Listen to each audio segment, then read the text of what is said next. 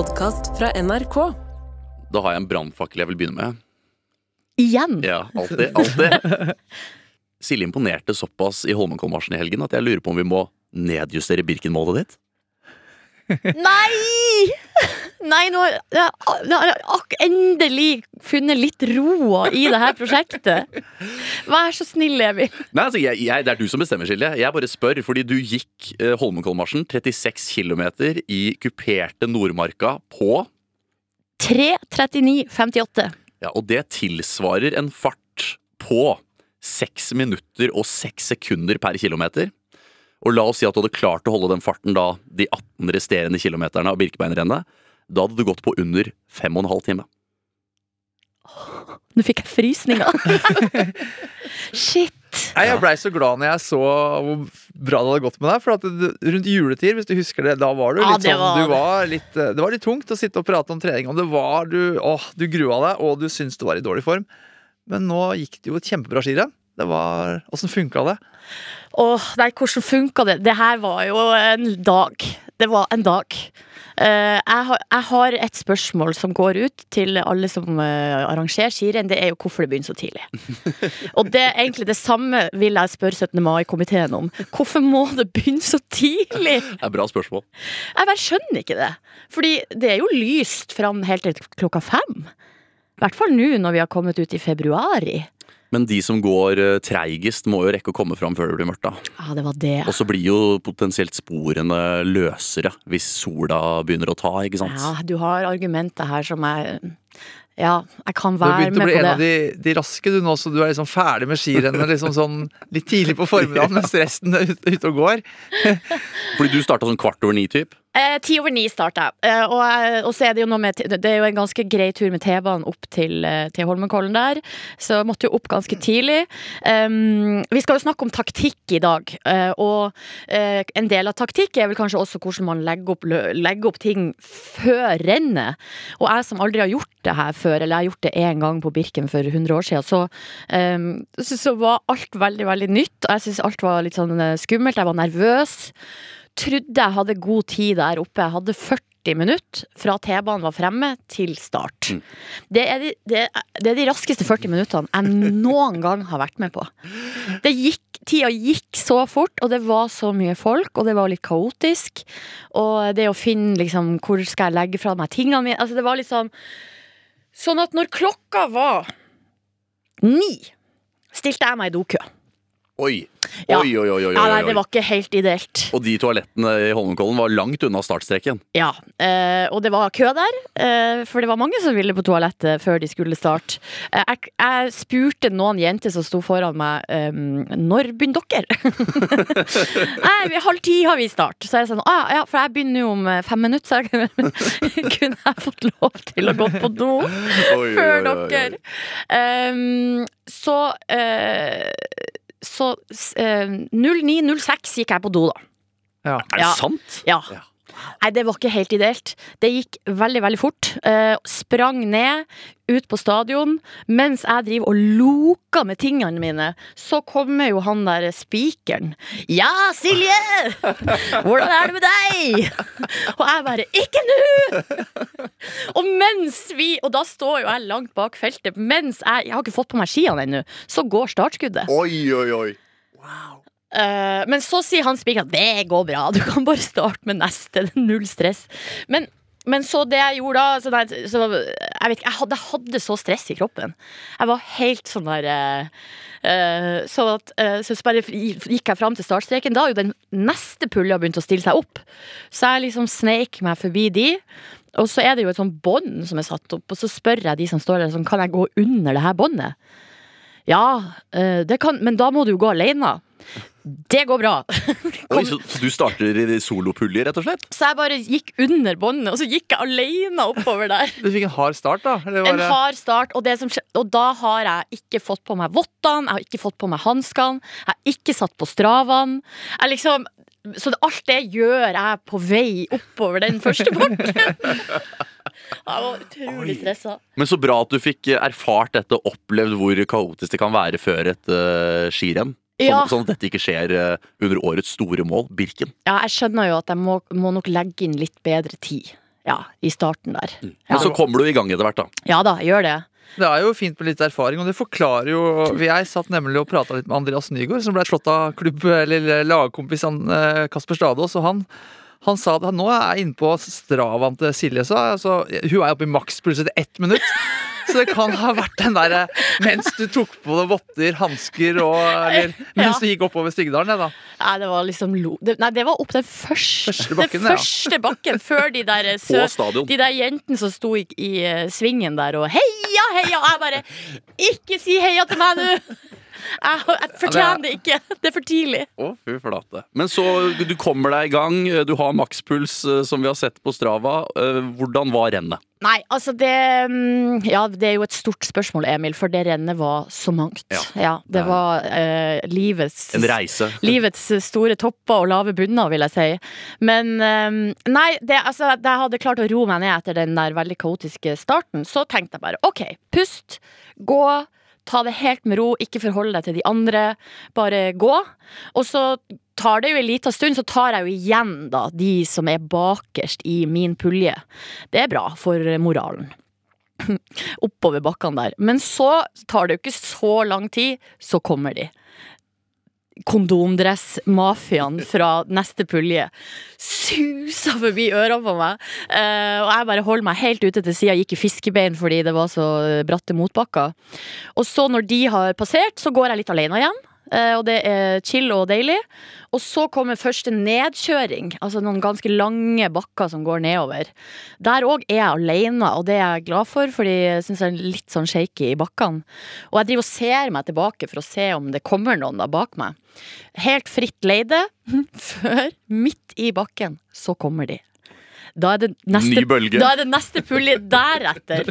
Og da, i nedoverbakke, så kommer de sånn susende forbi meg. Og da er det på et tidspunkt at jeg egentlig bare Jeg står bare sånn og har armene sånn inntil kroppen og bare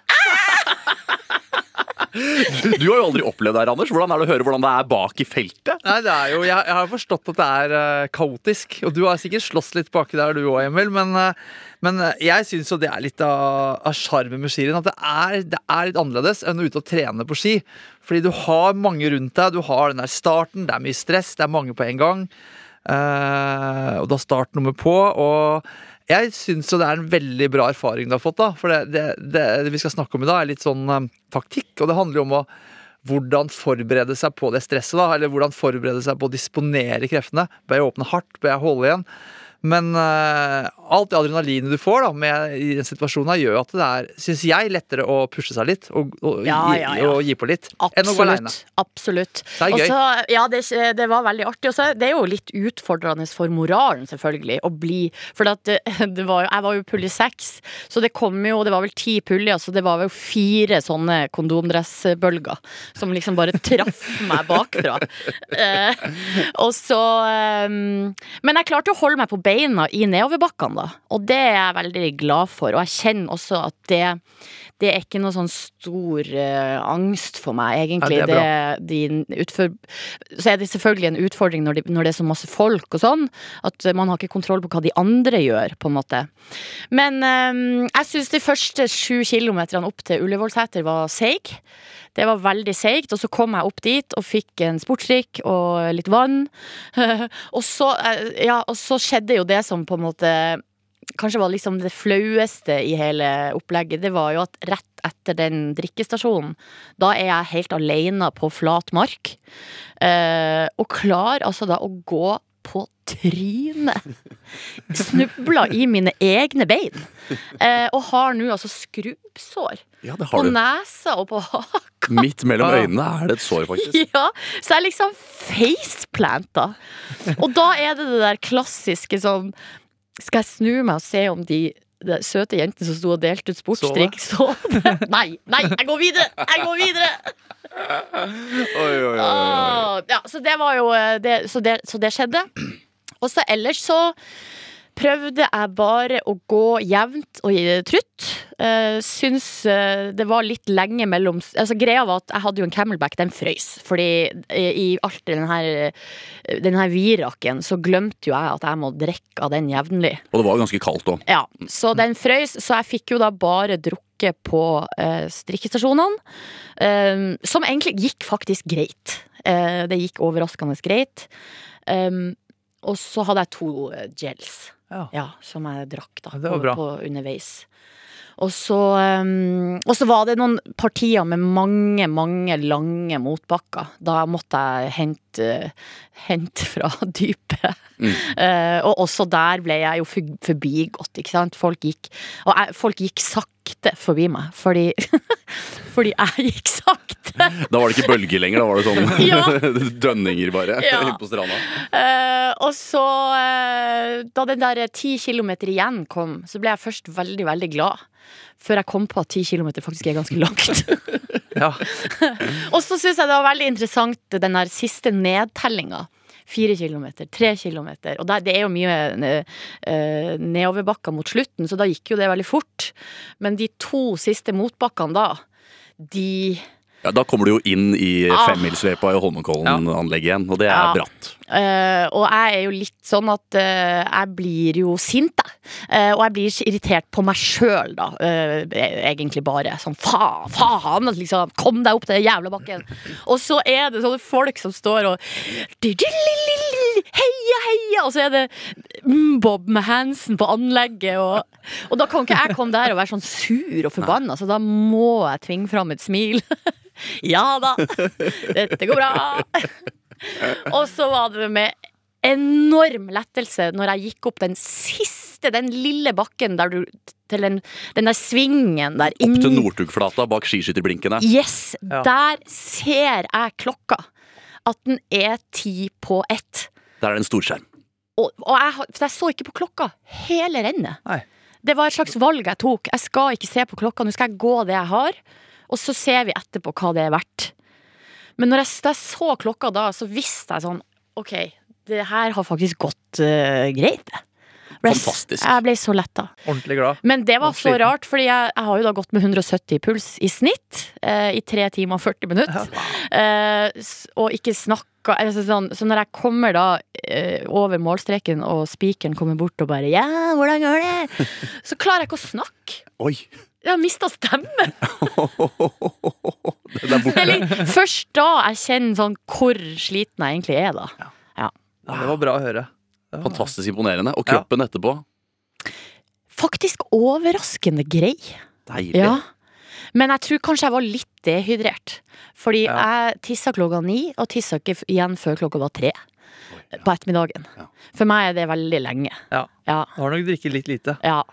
Men eh, det gikk greit. Og så eh, eh, dro jeg jo rett i bryllup. Var jo et Var det noen sjøslag. video på Instagram at du dansa med en kniv og noe Ja, det er sånn iransk sånn, tradisjon.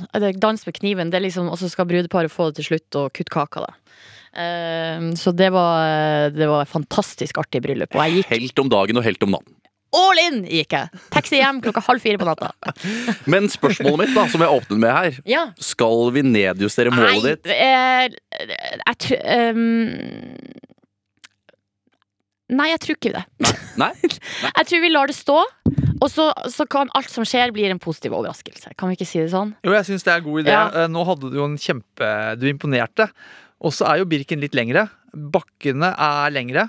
Så du kommer nok til å få en utfordring med, med Birken nå, altså. Men uh, utrolig imponerende det du gjorde nå, så jeg tror at målet kan stå, jeg. Ja, for jeg er motivert, så jeg skal ikke gi meg nå. Det er ikke sånn 'å, nå slutter jeg å trene', fordi nå er jeg good.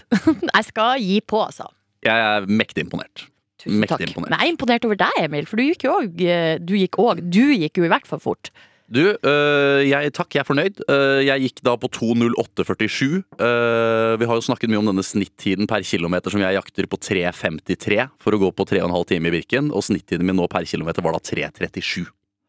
Ja, det er Så det er jo 16 sekunder raskere enn jeg må være da per kilometer. Og så er jo Birken lengre, som vi vet, litt flere høydemeter, men likevel god følelse.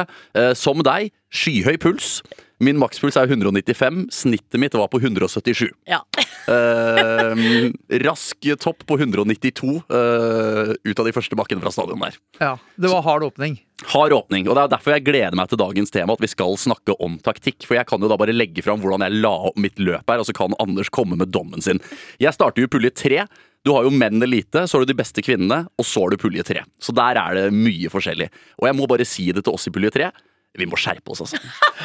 Vi må skjerpe oss. Det var så dårlig stemning i pulje tre. Folk er så sinte på hverandre. Jeg hørte to voksne menn. Han ene bytter spor rett foran han andre, går på skia til øh, den som egentlig hadde sporet. Da roper han som hadde sporet 'Hei, du! Hva driver du med?' Og da svarer han som har tråkka på skia 'Hold kjeften, du, da!' Det, altså, det er høylytt krangel. Og hvis jeg ikke hadde vært i sone fem, så hadde jeg sagt 'her er det god stemning', men jeg Jeg, jeg, jeg, jeg pusta jo sånn, så jeg hadde ikke sjanse til å si noen ting. Men utrolig dårlig stemning. Men jeg eh, valgte å åpne hardt, eh, prøve, litt som Anders har vært inne på i tidligere episoder, finne meg en bra gruppe jeg kunne henge med. Så målet mitt ble at når jeg kom til eh, vannet vi skulle gå over inn mot Kikkut og andre drikkestasjon, da skulle jeg ha en rygg å holde. For det blåste ganske kraftig, så jeg skulle ha noen rygger å holde over disse vannene. Jeg fant en fyr i mosegrønn trikot, hvor det sto over toppen på ryggen. Eh, vet ikke om det er over toppen at det er et sted, eller om det er over toppen som at de er eldre herremenn. Er eller det, om det er over neste bakketopp, eller om det er litt av alt. Jeg vet ikke. motiverende uh, liner, eller one-liner. Absolutt. Ja. Og dette var en uh, eldre herremann som jeg senere har funnet ut at eh, går i klassen mann 60 til 65. Eh, Men han var utrolig sprek, og han, jeg måtte slite hardt for å henge på han i motbakkene. Men hver gang vi kom til et stakeparti, så var jeg sterkere. Så da endte det jo med at jeg på en måte Og det er der jeg er spent på å høre Anders sin dom, Fordi da ender det med at jeg holder ryggen hans, og han tar to eh, staketak, og jeg tar ett, egentlig, og ligger og tar det rolig. Men jeg sparer krefter, fordi med en gang vi kommer til en motbakke, så må jeg kjempe for livet for å ikke miste ryggen til min venn fra over toppen skiklubb. Um, følger han, eh, og jeg føler egentlig jeg ligger på limit gjennom hele rennet. Eh, tar gels på drikkestasjonene, tar drikke på drikkestasjonene, og så eh, går jeg til slutt etter Tryvanns siste drikkestasjon. Da er det seks kilometer igjen. Da går jeg fra min venn i, over toppen og slår han med 40-50 sekunder eller noe. Kommer meg i mål, og jeg kjenner egentlig at jeg har krefter i de siste bakkene uh, inn mot eh, skistadion, men jeg er så sliten at bare beklager til alle jeg gikk med, beklager til alle som så på, fordi jeg puster sånn. ikke sant? Det må ha vært traumatisk. Jeg lager mye lyd. Uh, Men jeg sprekker egentlig i den bakken du beskrev, Silje. Den uh, bakken inn på Northugflata bak skiskytterblinkene. Det er der jeg kjenner at nå, nå stopper det her, faktisk. Men da er det jo 100 meter igjen. Så det gikk bra. Kommer i mål. Eh, og der eh, møter jeg jo da etter hvert min venn fra over toppen. Og han eh, sier at han trodde jeg hadde sprukket etter fem kilometer. For jeg hørtes ut som jeg var helt ferdig allerede da. Så han, han var Men jeg takket han for følget, fordi det var helt fantastisk motiverende å ha en rygg å følge i et uh, krevende kupert renn som det her. Så hadde en fantastisk opplevelse, og det jeg følte var et godt renn.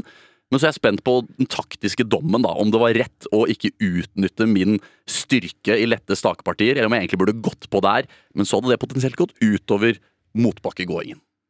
Ja, altså Det er veldig spennende det med taktikk, og det, um, det, det er jo sånn at hvert renn har jo litt uh, ulike ting som er viktig. Og Holmenkollmarsjen er jo et kupert renn. Det er i Nordmarka, og det er mye bakker. Um, Vasalopp og Marselonga er veldig slake renn, hvor det er veldig mye lange stakepartier. Og så har du Birken, som egentlig er en sånn kombinasjon, da. For der er bakkene veldig lange. Det er liksom monotone og lange, og så er det lange stakepartier også. Um, og så er jo det før, før start, da, alt det stresset som Du har jo begynt å få mye erfaring nå, Emil, og veit litt når du skal stå klar, at du bør ha skia klare, at du liksom Når du skal spise siste gellen. Og der tror jeg du bruker litt mer energi eh, enn Silje. Masse, ja, ja, Ja, er det- Det er jo det at den spenninga og alt det der før eh, skirennet skaper jo en sånn atmosfære at du, nå er kroppen liksom i kampmodus. da, Du skal gå ut og konkurrere og du skal gå skirenn. og Det, det er jo gøy, og det er eh, nervøst og det er spennende. Men det gjelder ikke å bruke opp all energien. Det gjelder liksom å ha gjort noen sånne tanker dagen før at det, med sånne logistikkting, da. Eh, For det er litt Når det er mange mennesker på én gang som skal starte samtidig, så er det mye logistikk, og det gjelder å forberede seg litt på det. Det er et veldig godt tips, sånn at du kan ha litt senka skuldrene litt. Som, som veit at du skal legge fram skia, eller du, skal, du må gå på do, eller du må forberede deg litt. grann, Som gjør at eh, den der siste 40 minuttene, at du har litt kontroll på ting, så ikke det blir stress. Og det går på erfaring, og det går, jeg mener at det er fint å senke skuldrene litt, behøver ikke varme opp så mye. eh, Holde seg varm eh, uten å fryse, men liksom ha litt oversikt over hva som skjer. Det er en stor fordel. Men det er vanskelig krefter. når man aldri har vært der før. ja. Eh, Så jeg så Ja, ja. jo på, på kartet og liksom hvor, Så jeg visste hvor doene var, og, men jeg klarte altså å loke eh, masse Ja, det- allikevel. Det går mye på erfaring. Ja, og min erfaring er jo at eh, det blir stress uansett. Så man kan egentlig aldri ha for mye tid, nesten, tenker jeg, hvis man ikke har gått skirenn før eller ikke vært på akkurat det rennet før. Og selvfølgelig noe annet for de proffe som skal prøve å vinne et renn og ikke skal bli kalde og skal passe på å bruke minst mulig energi på alt mulig. Men for min del, eh, jeg har aldri vært på et skirenn hvor jeg tenkte sånn ah, jeg kom litt for tidlig. jeg. Jeg, var, jeg hadde litt for god tid i startområdet, for det er alltid noe du Ok, jeg skal legge et ekstra lag med smørning, eller jeg må på do der, og så ok, jeg må huske å kaste søpla mi der. Og jakka mi har jeg glemt at jeg må sende eller legge igjen i bagasjeoppbevaring. Det er alltid noe å gjøre å Det bruke er tida alltid på. noe, og det er greit å ha god tid. Det er greit å ha gjort så mye med skia smørt klart på forhånd. Slipp, ikke teste så mye ski på slutten. Ha det, ha det klart. Og holde, ha en jakke eller ha varmt tøy på seg så lenge som mulig. Og så prøve å tenke at eh, nå skal jeg ut og gå skirenn, jeg skal kose meg. Og så Hva er liksom en rett åpning, da? Og jeg har jo sagt til deg før, Emil, at det lønner seg å åpne hardt. Fordi at når du kommer ut i en fin gruppe, da har du andre å henge på som er bedre enn hvis du åpner rolig. Og et annet tips som jeg syns er bra når det er et kupert renn, det er faktisk å gjøre litt motsatt av det du gjorde nå. Altså holde litt igjen i bakkene og gå fort i lettpartiet. Fordi bakkene, hvis du bruker masse krefter i fiskebeinsbakker og løper og puster og preser og går liksom på maks ventilasjon, så går det kanskje to km i timen fortere. da, Du går liksom fra 12 til 14 km i timen i motbakke. Men hvis du klarer å legge samme innsats i lett terreng, så kan du gå fra 20 til 25 km i timen. Og da får du en bedre totaltid. Sånn at det å bruke lette partiene til å kunne gå fort på ski, det er en stor fordel. Og det vil du oppleve i Birken. Hvis ikke du sprekker halvveis der, og du kommer liksom opp midtfjellet, da, hvor mange er veldig slitne. Hvis du da kan gå fort da, innover mot Sjusjøen og gjennom Sjusjøen og holde trykket helt inn mot mål, så er det masse minutter å hente i forhold til å gå på en sprekk opp den bakken. Så et sånt generelt tips for de aller fleste når det gjelder å disponere, det er eh, holde litt igjen i de bratte bakkene. Eh, nesten gå litt fiskebein hvis det er veldig bratt, eller prøve å tenke teknikk, og ikke jage, ikke springe forbi, ikke løpe sikksakk og være helt sånn uh, cowboy. Ja, det var det jeg gjorde. Ja. Og da bruker du masse krefter. Og det er sånn, det er sånn som å gå skirenn i lysløype. ikke sant? Det er som å gå eh, et uh, kortere skirenn. Da løper man på ski og er helt vill, og du puster og peser. Men du blir sliten en eller annen gang. Så her, det lønner seg å holde litt igjen i brattbakkene og gå fort i det lette terrenget. Det er liksom et bra tips. Men i to, særlig to renn så vil jeg si det lønner seg å åpne hardt. Det er Marcialonga og Vasan. Fordi at du der er litt som sykkel, og da kommer du deg inn i en gruppe som transporterer deg videre da, etterpå. Veldig spennende å høre på. Og så er det jo en forskjell her som vi må skille mellom i dagens episode. For det er jo én ting å tenke på taktikk hvis du er eh, topp 100 i Vasaloppet eller Marcialonga eller Birkebeinerrennet, og så er det en annen ting hvis du er Silje eller meg. Eller, ja, men det er, det er to forskjellige ja, ting. Ja, du, selvfølgelig. 100%. Ja. Og da er det jo først Ja. interessant å høre uh, hvordan tenker topp 100 i et slikt renn på taktikk. Ja, taktikk har jo blitt en viktigere og viktigere del av, av lange skirenn. Og det har vært veldig gøy å vært med på utviklinga der, egentlig, og sett hva som har skjedd. Og nå er jo alle de store laga som jeg har jo hatt en del av ett av laga, vi har jo en plan med hvert renn. Og noen renn har eh, er fullfart fra start, og det gjelder bare å sprenge feltet og lage en liten gruppe. Birken er et sånt renn hvor det går an å gjøre det. Um, andre renn, sånn som eh, og Vasan, er renn som det er muligheter for det vi kaller brudd. da. At noen kan komme av gårde, løs fra feltet. Uh, og så henger det ofte sammen med føre. Altså Hvis det er snø, eksempel, så går det ofte veldig sakte. Ingen vil ligge foran, og, og, for det, jo, det går mye tyngre. Og Da går det ofte sakte, og det blir en stor gruppe, og da kan man stikke av gårde da, på en overraskelsessted. Ganske en drikkestasjon, eller bare hvor det er lett parti. Og så stikker noen av gårde. Og så er, er det alltid må man være observant, da, hvem som får lov å gå. Hvis det er noen som er ufarlig, de, de blir hentet, da kan de få lov å få noen minutter faktisk i Vasan, og så blir de henta. Men det vi har sett mer og mer det siste året, er at det er stor villighet da, fra mange av de store lagene til å gå hardt fra start. Um, At man ønsker å sette veldig stort trykk på feltet tidlig og få et mindre, mindre felt. Uh, og så samler det seg, så roer det seg litt ned, og så plutselig kan det skje et brudd. Og så har du da en kaptein på lager 157, eller på Ragde-laget, eller på Enkon, eller på Ramuden. Det er forskjellige lag. Det er som sykkellag. Da har man en, eh, gjerne en spurter, eller en som man tror er sterkest på laget, og så har man noen som er eh, mindre sterke, som, som gjerne kan bruke opp kreftene sine for at kapteinen skal kunne kanskje få en bedre plassering. Vi har fått inn et- en del spørsmål om det her. Eh, Det er en fyr som heter Fredrik som eh, sier at han har et spørsmål fordi han har for første gang sett langløp på TV. Ble så inspirert at han måtte se Marcialonga. Hvordan kommuniseres det med støtteapparat og løpere? Mye er jo likt som sykkel, men kan ikke se at løperne bruker radio eller lignende. Nei, det er ikke lov med radiokommunikasjon. Det kan hende det kommer, og det kan være en verdi i kanskje Vasan, kanskje Marcialonga. Eh, Men vi har jo en plan på forhånd. Vi har jo noen forventninger. da. Vi, vi vet jo hvem som ønsker å gå hardt, vi vet hvem som ønsker å spurte, og vi vet hvem vi tror vil gå i brudd. brudd. Og så har vi jo da, er vi observante underveis, og vi kommuniserer internt. altså Det er jo en del prating mellom eh, løperne som er ute og går. Det kan f.eks. være at eh, hold deg framme, eh, jeg legger meg bak, gå sammen med meg nå. Eller slipp meg inn. Eh, nå må vi følge med. Eh, sånne ting hele tida. Så det er en kommunikasjon. Eh, og så gjelder det å liksom ta de sjansene man får, eller være observant. For det er ikke sånn at du kan planlegge alt. Det skjer jo alltid ting underveis. Så det gjelder liksom å ha et hode da, for å se hva som fungerer. Og ofte så handler det om at man man har én mann eller dame fra sitt lag foran da, i et brudd, så ønsker man ikke å hjelpe andre til å komme opp dit. Da, da spiller man korta til de andre lagene som må kanskje bruke mer krefter for å tette luker. Men når det ikke er radiokommunikasjon, la oss si at eh, kapteinen på et lag knekker staven, ødelegger skia, forsvinner eh, tidlig i løpet. Eh, Resten av laget får jo ikke det med seg nødvendigvis. Nei, det- ser bare at personen er borte. Ja, Hvordan, da- hvordan håndterer man det? Det må være at de andre på laget, kanskje én annen på laget, har fått beskjed om å gå sammen med kapteinen hele tida. Da gi staven sin. Ja. En på laget har det, Den rollen har i hvert fall vi da, i de store renna. I Marcelonga Vasan så har vi én løper eller to løpere på laget som må gi staven sin til Kasper eller Andreas, i vårt tilfelle. da. Og det er helt greit. Det er, det er, det er verdt det, hvis han kan eh, vinne rennet. Eh, og så er det også Vi har noen som ser på TV som ringer inn eller roper langs løypa da, at nå har eh, den problemer, du må vente. Eller nå har vi en som har knekt av eller ødelagt. da. Er det noen, har de radio på sykkel? Ja, de har det. Det varierer vel. Noen med mesterskap og sånn, ikke lov. Ja, det er litt eh, forskjellig, det ja. Men sykkel er mye mer eh, Det er et mye mer spill, og det er mye mer lag. Det er mye lengre distanser. eh, Det er høyere fart. og Det er mye lettere å lage brudd. Ski er Du har litt tendenser til det, og det er særlig Marcelonga og Vasan hvor det funker.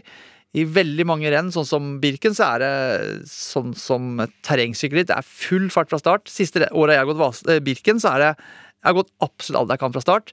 Og så er man i en eller annen gruppe når man kommer til Skramstad, og da holder det kanskje opp til over til, til um, første toppen ved Dølfjellet, og så etter det så er det på en måte satt, da. Så kanskje det skjer noe ved Sjusjøen, og så er det litt på slutten. Så det er veldig sånn Man deler rennet inn i sånne um, partier som er veldig avgjørende.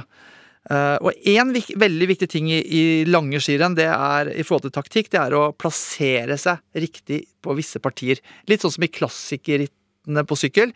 At uh, Marcialonga er jo særlig et sånt uh, renn. Man må være f.eks.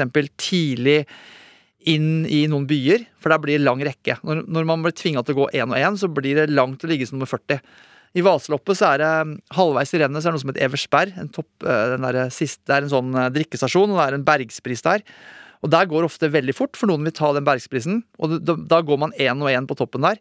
Og hvis du ligger i en stor gruppe, er nummer 40 der, så ser du ikke hva som skjer foran. Og ofte går et brudd der. Bergspris sånn fjellspurt, liksom. Ja, det er en spurt. Det er, det er noen penger til han som vinner, og du får navnet ditt i stein for eh, evig og alltid. Og det er stor ære å komme først dit. Og det er alltid stor fart de siste fem kilometerne. Men, og da har det gått ganske rolig ofte lenge, og da er det jo lett ja, en favoritt da, å være litt sånn eh, Litt sløv fordi man vil spare krefter. Spise, drikke, noen kanskje gå på do. Du ligger litt sånn nummer 30-40 i feltet. Kan være veldig farlig. Plutselig så er det tre stykker som har stikket av gårde, og så har de et minutt fort. Så det er sånn å være observant på visse steder. I Marcialonga da, så tapte jo Der vant jo eh, Runa Skau Mathisen rennet. Vi følte at vi kanskje var med å tappe kampen om å vinne, med å la han gå på et sted eh, etter en spurtpris i Predazzo. Det er en spurtpris. Han stakk, var kjempegod. Eh, Vi lå litt for langt bak, klarte ikke å tette luka. Han var kjempegod, holdt luka inn. Men hvordan løser man det hvis, det er, eh, hvis man har to kapteiner for eksempel, da, på laget, eller man har avklart på forhånd det er en av disse to som skal vinne rennet for vårt lag?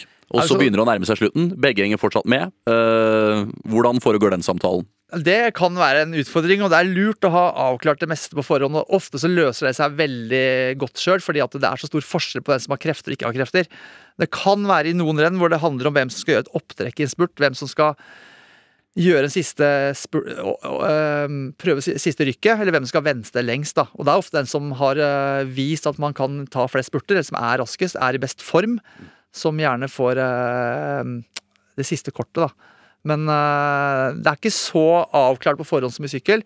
Men uh, at vi er villige til å gå for hverandre, rykke annenhver gang, uh, spille de korta vi har som et lag, det er en spennende måte å gå på ski på. Selv om det er Mange ting løser seg egentlig med at man bare er våkne, bruker hodet og liksom er De som er svake, de detter gjerne av på slutten uansett. Men det er jo mye nordmenn og svensker i et sånt felt. da. Er dere noen ganger redde for eh, hva dere kan si og ikke kan si, eh, for å, ja, hvis, folk, hvis folk skjønner hva du faktisk eh, melder? Ja, vi har jo en plan, og snakker jo liksom Prøver å være litt sånn Snakke koder. Ja, snakke litt i koder, men det er enkel kommunikasjon, men man skjønner hva som skjer underveis der. Eh, og vi uh, Du har ikke sånn der er- forsvars... Det er jo sånn her, Hvis man eh, har sånn der close quarter battle, så har man sånn der håndsignal Ja, det er sånn, ja. fram, Ja, ja, framover. Nei, Det er jo et sånt spill, uh, og man skjønner jo hva det lønner seg å gjøre. Så handler det egentlig om å kanskje tørre å ta initiativ, eller om man er for defensive. Så det er ofte sånn at de som ofte vinner renn, er de som tør å ta initiativ, som tør å gå offensivt. Tør å åpne hardt, tør å sende noen i brudd, tør å starte på noen offensive ting som eh, klarer å vinne renn til slutt. Så det er, eh, jeg synes det er kjempespennende. Og, men det er en helt annen måte å tenke rundt skirennet enn å for når du går i Birken, eller, eller hva sånn, tenker du jeg skal gå og få best mulig tid. Mm. Og da er det egentlig å disponere kreftene dine underveis, og gå liksom det du kan hele tida, eller åpne hardt og komme deg i en gruppe. Mens eh, fordi de som ligger foran, de, de prøver å spille kreftene og korta sine de har. Noen er raske, noen er utholdende, noen er gode i flater, noen er gode i bakker. Og så bruke de best mulig til å få best mulig plassering. Ikke tid. For nå har vi jo hørt litt om hvordan de aller beste gjør det. Men så er det som du sier, eh, det Silje og jeg driver med, og de aller fleste av lytterne våre også, det er en annen sak. Fordi vi kjemper jo ikke for å bli topp 50 eller topp 100 eller klare det og det. eh, Den og, den, den og den plasseringen. Vi kjemper for et tidsmål eller et Ja, det er- merkemål er eller er noe helt annet. Ja. Og da handler det egentlig om å disponere kreftene man har, best mulig. Og ofte så er det å holde litt igjen i de lange, tunge bakkene og klare å gå fort i lette partiene. Mm. Det handler om å gå bra på ski. Og, og det handler om å bruke de du har rundt deg til motivasjon. Det sa jo både Silje og det sa jo du òg nå, Emil, at det der følelsen at du gikk skirenn med noen, at du blei motivert av å henge på de andre. At du fikk krefter, at du var, var i en kamp da, Mm. underveis i skirennet. For du får jo noen sånne venner underveis der du kjemper med. Og bruke det til din fordel. da Altså liksom, Nå skal vi hjelpe hverandre. Vi skal prøve å gå fort. Mine venner gikk jo bare fra meg. det var litt demotiverende. Men dette var jo, Holmenkollmarsjen var jo et renn med opp mot 2000 deltakere, vel. Eh, Det kommer til å være veldig mange flere som går eh, Birkebeinerrennet. Så sjansen for at du finner noen å gå med der, er jo mye større. Og nå blir du jo også sidet i en gruppe eh, som har gått seedingrenn eh, rundt samme nivå som deg. Så sjansen for at du vil finne noen å gå med, er jo mye større. Men da er det jo interessant, fordi som vi har vært inne på, det er forskjell på om du skal gå Marcialonga eller Holmenkollmarsjen eller Birken eller Vasaloppet, avhengig av hvor hardt du skal åpne osv. Det kan være en fin huskeregel å egentlig prøve å åpne litt på limit for å finne en fin gruppe å ligge i. eh, uten å bruke for mye energi, kanskje spesielt da i renn som Birkebeinrennet, hvor det er krevende motbakker med en gang. Men så er jo spørsmålet disse andre tingene vi skal tenke på. Du nevnte det, Anders, at eh, det kunne vært lurere for meg å spart litt krefter i motbakkene og heller gitt på der jeg kunne fått eh, større fart og tjent flere sekunder på flatene i enkle partier. Det er ikke i motbakkene at jeg vinner rennet mitt. Eh, Så kan det kanskje være en idé eh, som jeg har gjort tidligere. Eh, Det er flere renn som tilbyr denne tjenesten. Birkebeinerrennet blant dem. Hvor du kan gå inn på nettsidene til rennet, si hva du vil ha som sluttid, og så regner de basert ut på masse statistikk, det var alle andre har gått på tidligere, hva du bør ha som passeringstider på de forskjellige drikkestasjonene f.eks. Ja, Det kan være et hjelpemiddel hvis man er god på statistikk og liker de tallene da, og blir motivert av det. så kan det være et hjelpemiddel. Mm. Eh, jeg vil nok tro at de aller fleste sprekker litt i lange skirenn som er over 40 km. Eh, Da går de fleste på en liten smell, og det ofte handler om eh, en blanding av næringssmell og muskulære ting. Og det er det som blir spennende å se når, hvis noen skal øke distansene da, til å gå en time lenger. Fordi det skjer noe med kroppen, og da er den derre hvor flink har jeg vært og fått i meg næring underveis? Eh, Det er også en del av taktikken. Du sa du frøys den camelbacken, og det skjer med de aller aller fleste. Fordi man å, har så mye å tenke på, du stresser, du har folk rundt deg, og så oi, jeg må drikke litt, og så har det fryst. Så går du og bærer den kiloen eller på ryggen, da. Og det har vi fått et spørsmål om fra Kjersti, som eh, sier Hei, skiklubben, jeg trenger tips. Drikke i sekk med drikkeslange versus stoppe for å drikke på drikkestasjoner under Birken. Hvor mye tid vil jeg tape med ekstra drikkevekt i sekken? Jeg tror at i Birken så må man drikke på stasjonene. Ikke bære så mye vekt. Du kan bære geller, og de fryser ikke. Så ha geller teipa eller i lomma eller på drakta di, og drikk på drikkestasjonene. Ta deg tid til å drikke på de, så går det veldig bra. Og Men det jeg hadde, sorry, men det, det, jeg hadde gel som var litt sånn utvanna. Eh, Det sto på pakken at den var litt større enn de vanlige gellene. Så, for jeg syns de der vanlige er det, det er noe med konsistensen. Munnen min vil ikke ha det. Men, Men- fryser de, eller var Nei, de de fryser ikke, Nei. men eh, og da var de, de er litt større, og så er det mer flytende eh, konsistens. Det er mer som en sånn kjempekonsentrert sportsdrikk. Ja. Eh, og så var jo de De ble jo kalde.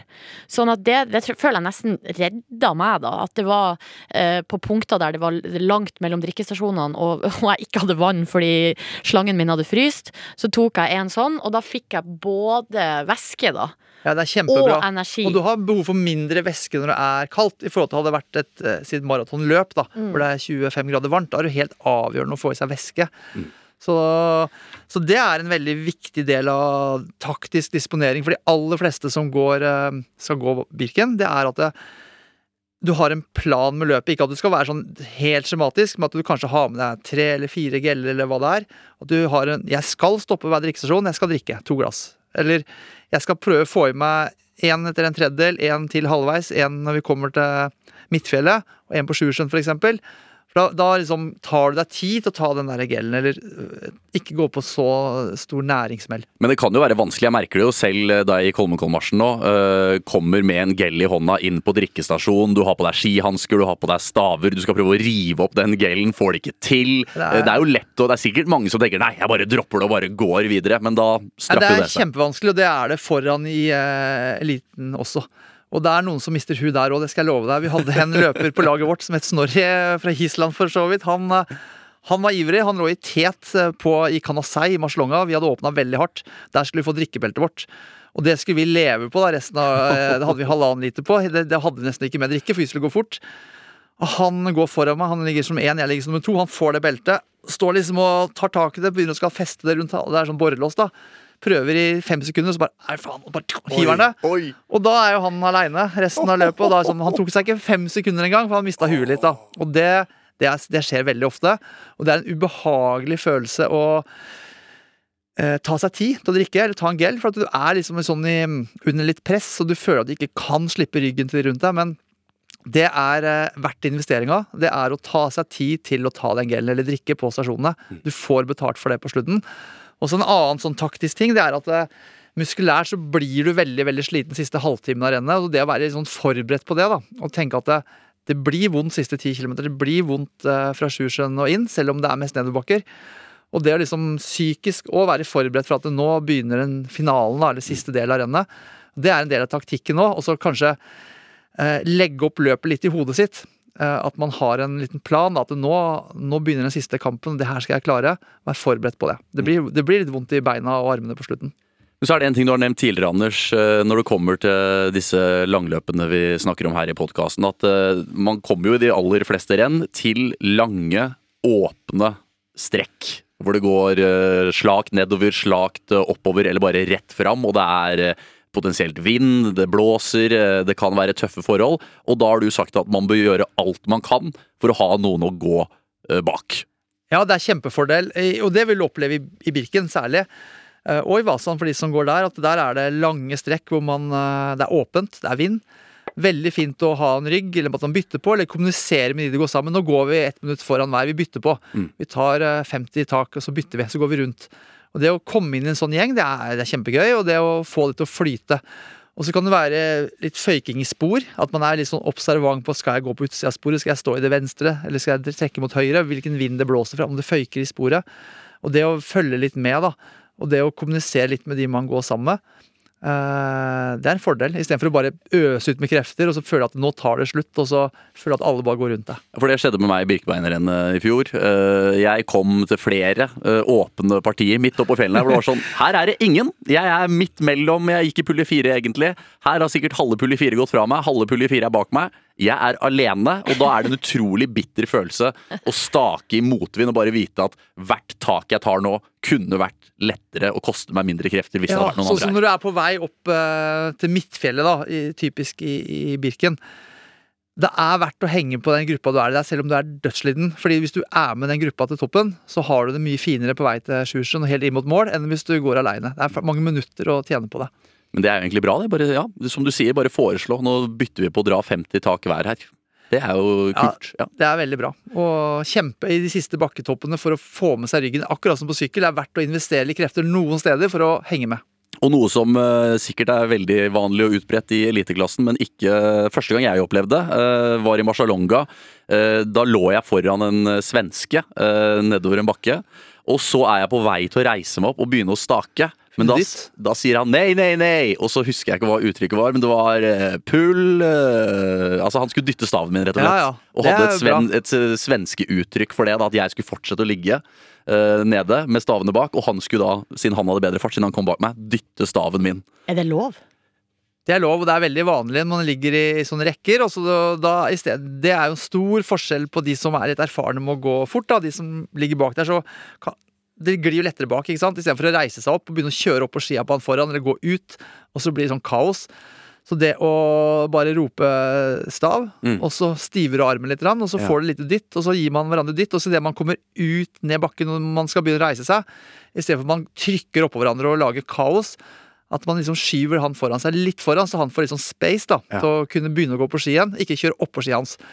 Men så det, det er lov å ta på staven, men det er ikke lov å dytte i ryggen. Jo, det, er, det blir dytta både på kropp og stav. Men det er sa ikke du en gang at det var noen som, det var noen som hadde blitt Jo. tatt i juks, liksom? Jo. Fordi eh, Det var hvis jeg hadde gått sammen med deg eksempel i Holmenkollmarsjen, og så hadde, jeg hadde dytta deg for at du skulle gå fortere. Men som, hvis Emil sammen med noen i rennet kjører ned en bakke, så er det veldig fint også for at det skal flyte bra, så ikke det skal bli sånne eh, stopp og trekkspilleffekt. da Så det å få liksom gruppa til å forflytte seg mest mulig økonomisk, så gir man hverandre litt sånn eh, rom, eller dytter hverandre litt, grann, så det skal flyte best mulig.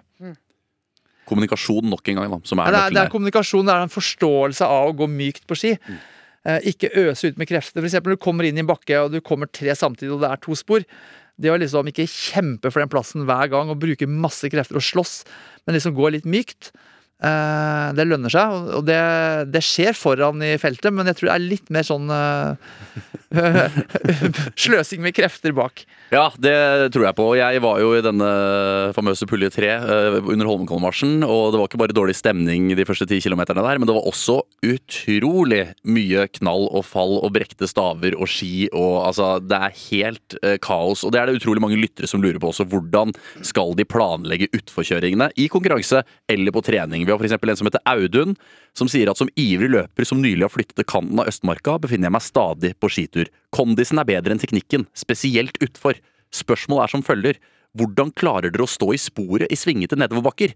Jeg kan følge hakk i hæl på kompiser i løypa, opplever å bli skutt ut av sporet i svinger, andre står støtt igjennom. Har dere tips? Hilsen Audun. Og så er det en som heter Vidar, som har flyttet fra Helgeland til Oslo og fått skikkelig dilla på langrenn, men sliter med svinger i nedoverbakker. Hvordan blir jeg bedre på akkurat dette? Vennene mine spør meg ikke hvordan skituren har gått, men hvor mange ganger jeg har falt. Men er det sånn eh, nesten sånn motorsykkelprinsipp at du må lene deg ja. inn i svingen? Ja, det er det. Og det er jo, det er jo masse å hente på å kjøre fort nedover.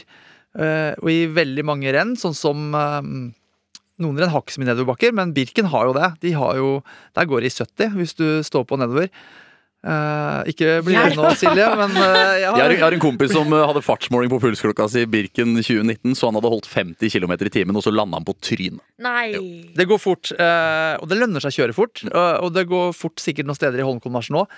Men det er, så tipset er jo å øve mer. Altså, du, må, du må bli trygg, du må klare å kjøre fort på ski. For det er Mange bruker mye krefter oppover, og så kjører de dårlig på ski nedover. Og måten å bli bedre på er å teste bakkene, kjøre mer i bakkene og bli tryggere. Og du må på en måte stole litt på de rundt deg. Du må tørre å ligge der, men så må du ha en sånn Det går litt på blikket, da. Du må klare å beregne svinger. Det her kan jeg sitte i sporet, her skal jeg ikke sitte i sporet. Og de aller fleste har gode løypekjørere som sletter spor hvis ikke det går å sitte i spor.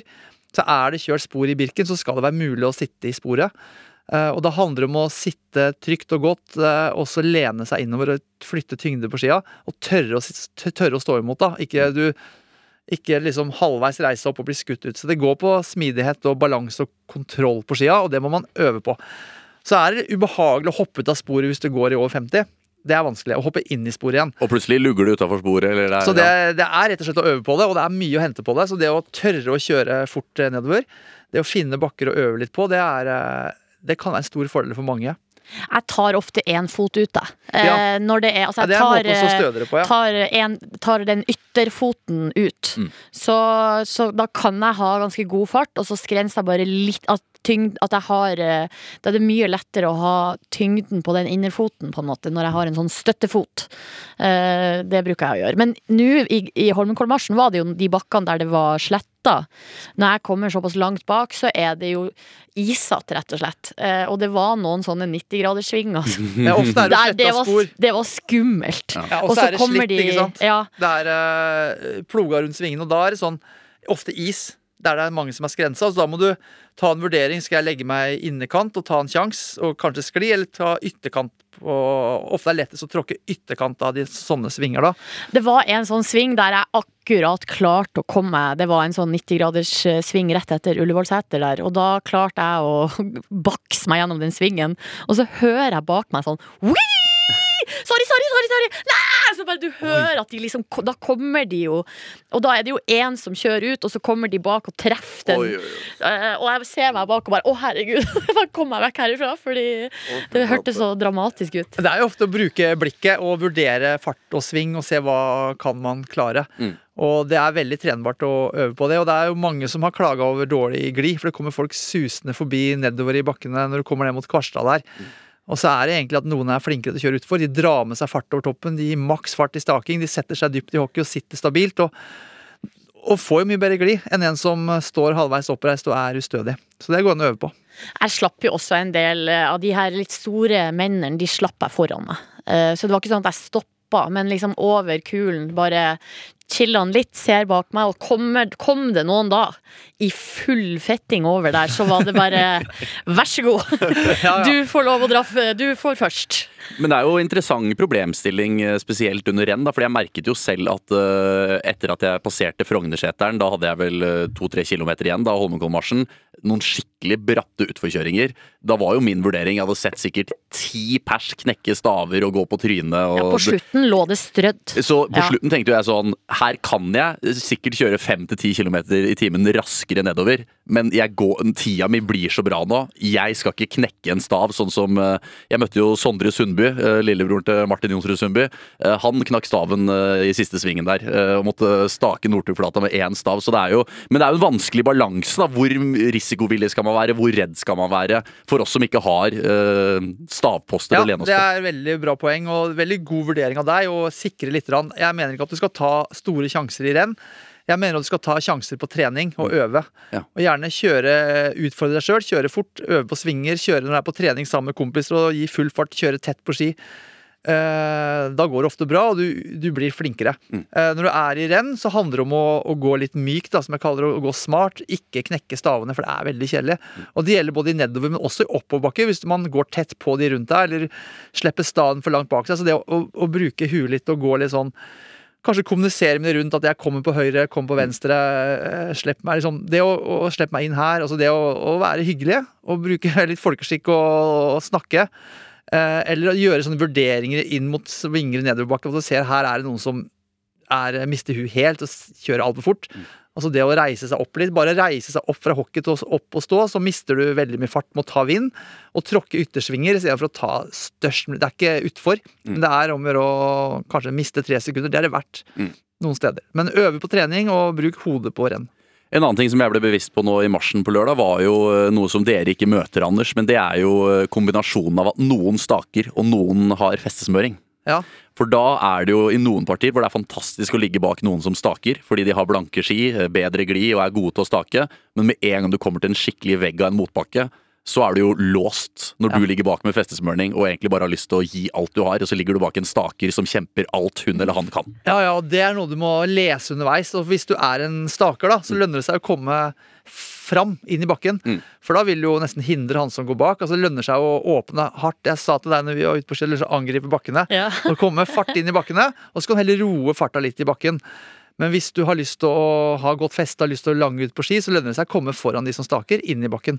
For dette var jo noe som irriterte meg også da jeg gikk på blankeski i Hauger'n. Eh, og så havner du bak en som går diagonal og slenger skia bak, ikke sant? og du må begynne å ta hensyn til det og når du staker og egentlig har lyst til å gi Ja. Det handler om egentlig å gå, unngå sånn trekkspilleffekt, og, og som får, liksom- unngå sånne stopper. da. Akselerasjon og stopp det er veldig dumt i skirenn. Det lønner seg å dra med seg fart, og ikke måtte legge inn sånne maksinnsatser og akselerasjoner, for det tar masse krefter når du legger sammen alt det. Akkurat som på sykkel. Altså Gå mykt og få flyt i skigåinga. Vi er fornøyde med tidene våre i Holmenkollmarsjen, Silje, men vi har fått eh, melding fra en som også er det, og han har gått raskere enn oss. Han gikk på 1,46, altså bare 12 minutter bak vinneren, Kasper Stadås. Og det her er en vanlig fyr. Ja, vi får bedømme etter vi har hørt eh, meldingen hans. Det jeg lurer på er, hvordan burde jeg legge opp treningen best mulig frem mot Birken, gitt den store fremgangen jeg opplever i skisporet nå? Bare mer av det samme, siden jeg opplever fremgang, eller skal jeg justere noe? Litt bakgrunn. Jeg er en 32-årig, ivrig skigåer bosatt i Oslo og i full jobb. Gikk aktivt på langrenn til jeg var 14-15 år, før jeg la skiene på hylla i godt og vel ti år for å satse sånn halvveis på fotball, som selvfølgelig ikke ble noe av. Har gått en del på ski de siste sesongene, og nå, har nå en enorm skiglede og motivasjon. Av meritter gikk jeg Birken i 2022 på 3.52, i 2023 på 3.26 fra pulje 2. Denne sesongen har jeg opplevd stor fremgang siden den første snøen kom i Oslo i slutten av oktober. Har vært frisk i hele vinter, fått trent systematisk med teknikktreninger, i klassisk stilt opp i 10 km karusellrenn, tid rundt 28-29 minutter, intervaller på skierg og langtur i helgene. Trener ikke styrke da jeg syns det er litt kjedelig. Og nå i helgen gikk jeg da mitt livs beste skirenn i Holmenkollmarsjen på 1,46, hvor jeg gikk hele rennet alene fra front av pulje 3. Så han har jo skjønt det, ikke sant? Han bare rømte fra pulje 3. Han gadd ikke, gadd ikke å ligge bak i kaoset der. Men hva bør denne anonyme innsenderen gjøre, Anders? Bør han fortsette som før, siden han opplever fremgang, eller bør han justere noe inn mot Birkebeinerrennet? Han er imponerende. Han er på veldig rett spor, og han går jo, gikk jo kjempebra på ski nå i Holmenkollmarsjen. Han har jo en bakgrunn som skiløper, og det hjelper noe på teknikk. Og så, ellers så gjør han veldig mye av de rette tinga. Han nevner jo det at han, øh, han har gått litt skirenn. Han øh, går øh, sånne karusellrenn, eller det er jo faktisk beste treninga istedenfor å gå intervall. Altså det å gå noen Obik-renn Det fins jo poenglangrenn i alle klubber. Så det er for de som er mosjonister, er bare å finne lokale skiklubben. Der arrangeres det ofte poengrenn for barn. Der kan du som voksen også stille opp. Få deg en gjennomkjøring på ski. Ha drar økter på skiergen og langtur i helgene. Det er liksom oppskriften. Fortsett med det. Det han kan gjøre, da, det er jo at han nå en periode trener litt mer. At han legger inn litt ekstra trening. Om han klarer å ha litt ekstra om det er fri fra jobben, eller man har litt sånn tid da, til å legge inn noen ekstra lange turer på ski. To uker før, eh, opp, Inntil to uker før eh, Birken, så er det en måte å toppe formen på, men ellers så gjør han helt rett. Fordi vi har Styrke jo- er ikke så viktig. Han nevner styrke. Styrke er bra, det, men det er ikke der han vinner skirenn. Jeg tror ikke han går fort i Birken når man begynner å trene mye styrke nå. Fortsett heller å gå på ski. Du nevner jo det med formtopping. Vi har fått inn en uh, takknemlighetsmelding fra Erik. Vil rette en stor takk til Auklands eh, formtopping. Madammen fikk meg til å melde meg på marsjen i den tro at vi skulle gjøre det sammen. Deretter dro hun tidlig til Italia på utveksling. Jeg måtte gjennomføre alene. jeg hadde ikke noe valg. Hvis jeg ikke skulle få det helt forferdelig, måtte det formtoppes. Det ble dermed ti dager formtopping og fire dager hvile. I tillegg smurte svigerfar opp et par av sine egne ski. Man kan visst ikke gå Holmenkollmarsjen på felleski. Mitt hårete mål på tre og en halv time ble knust. Kom i mål på 3.01 takket være dere. Mest Anders. Nå må jeg også melde meg på neste år og se totallet. PS Ida, jeg elsker deg fortsatt. Hilsen Erik. Å, det er koselig! Ja, det var veldig bra. Uh, nei, formtopping funker. Så er det mange som også har blitt litt slitne, som vi har fått høre tilbake fra, og det skjønner jeg godt. Altså, når jeg snakker at man kan inntil doble treninga, så kommer det litt an på hva man kommer fra, og så kommer det enda mer an på hva man har mulighet til å gjøre ellers i hverdagen. da. For de aller fleste så er det for mye. Men uh, ideelt sett så lønner det seg å trene en del mer, og så få overskudd. Uh, men det der må man egentlig prøve å bruke litt sånn sunn fornuft på. Men uh, det med å toppe form, det handler om å finne den balansen. Men øh, før Birken nå, så, så er jo det å som Jeg har sagt til Silje, gå noen lengre skiturer. Gå flere lengre skiturer. Gå noen hardøkter på skiergen. Gå gjerne sånn Obik-renn, men sørg for å ikke bli helt nedtrent, ikke bli for sliten, og helt sikkert ha overskudd på slutten. Mm, Så hvis man ligger på utrolig mange timer eh, fra før av, så trenger man ikke nødvendigvis å doble? da kan du nesten bare trappe ned. Kanskje gå et skirenn eller to, og så trappe litt ned. Hei, jeg heter Thomas og er åtte år. Åh, Er det vår yngste innsender noensinne? ja, det, tror jeg. Jeg er veldig glad i å gå på ski, og går også på skiskyting. Min drøm er å ta gull i skiskyting. Jeg ser på Anders på Mesternes mester, og heier på han, Ole Kristian og Pål André. Åssen kan man bli best på ski? Jeg går på skitrening hver tirsdag, skiskyting hver torsdag. Jeg går også på ski på skola, og gikk skicrossrenn på Gol i helga. Det var gøy, men litt kort. Én kilometer. Hilsen Thomas, åtte år, fra Ål. Det er så gøy å høre.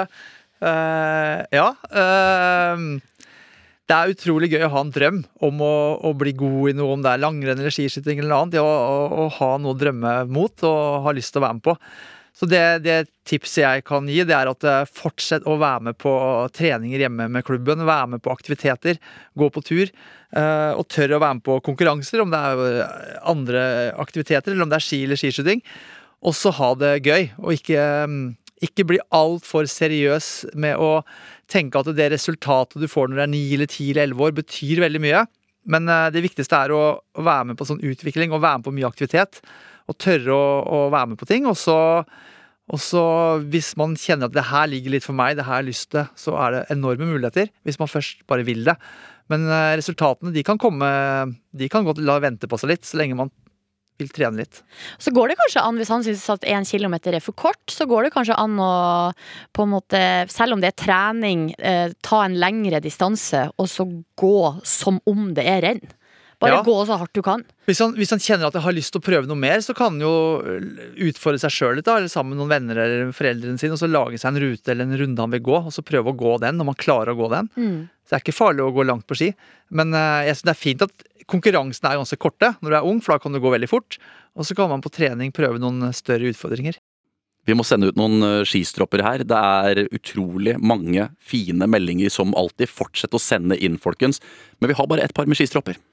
Vi har det, og jeg merka jo at eh, det er kanskje litt eh, klisjé, men tidenes yngste innsender traff jo liksom noe i meg, da. Ja, det, det er vanskelig å konkurrere med Thomas 8, som ja, har tatt seg tid til å sende en melding gjennom mamma her, faktisk. Så det, ja. Thomas 8 år, som vil bli best. Det er skiskyting for alle penga. Lykke til, Thomas. Eh, Få mamma til å sende oss adressen din, så blir det stropper i posten. Og tusen takk til alle som sender inn. Fortsett med det.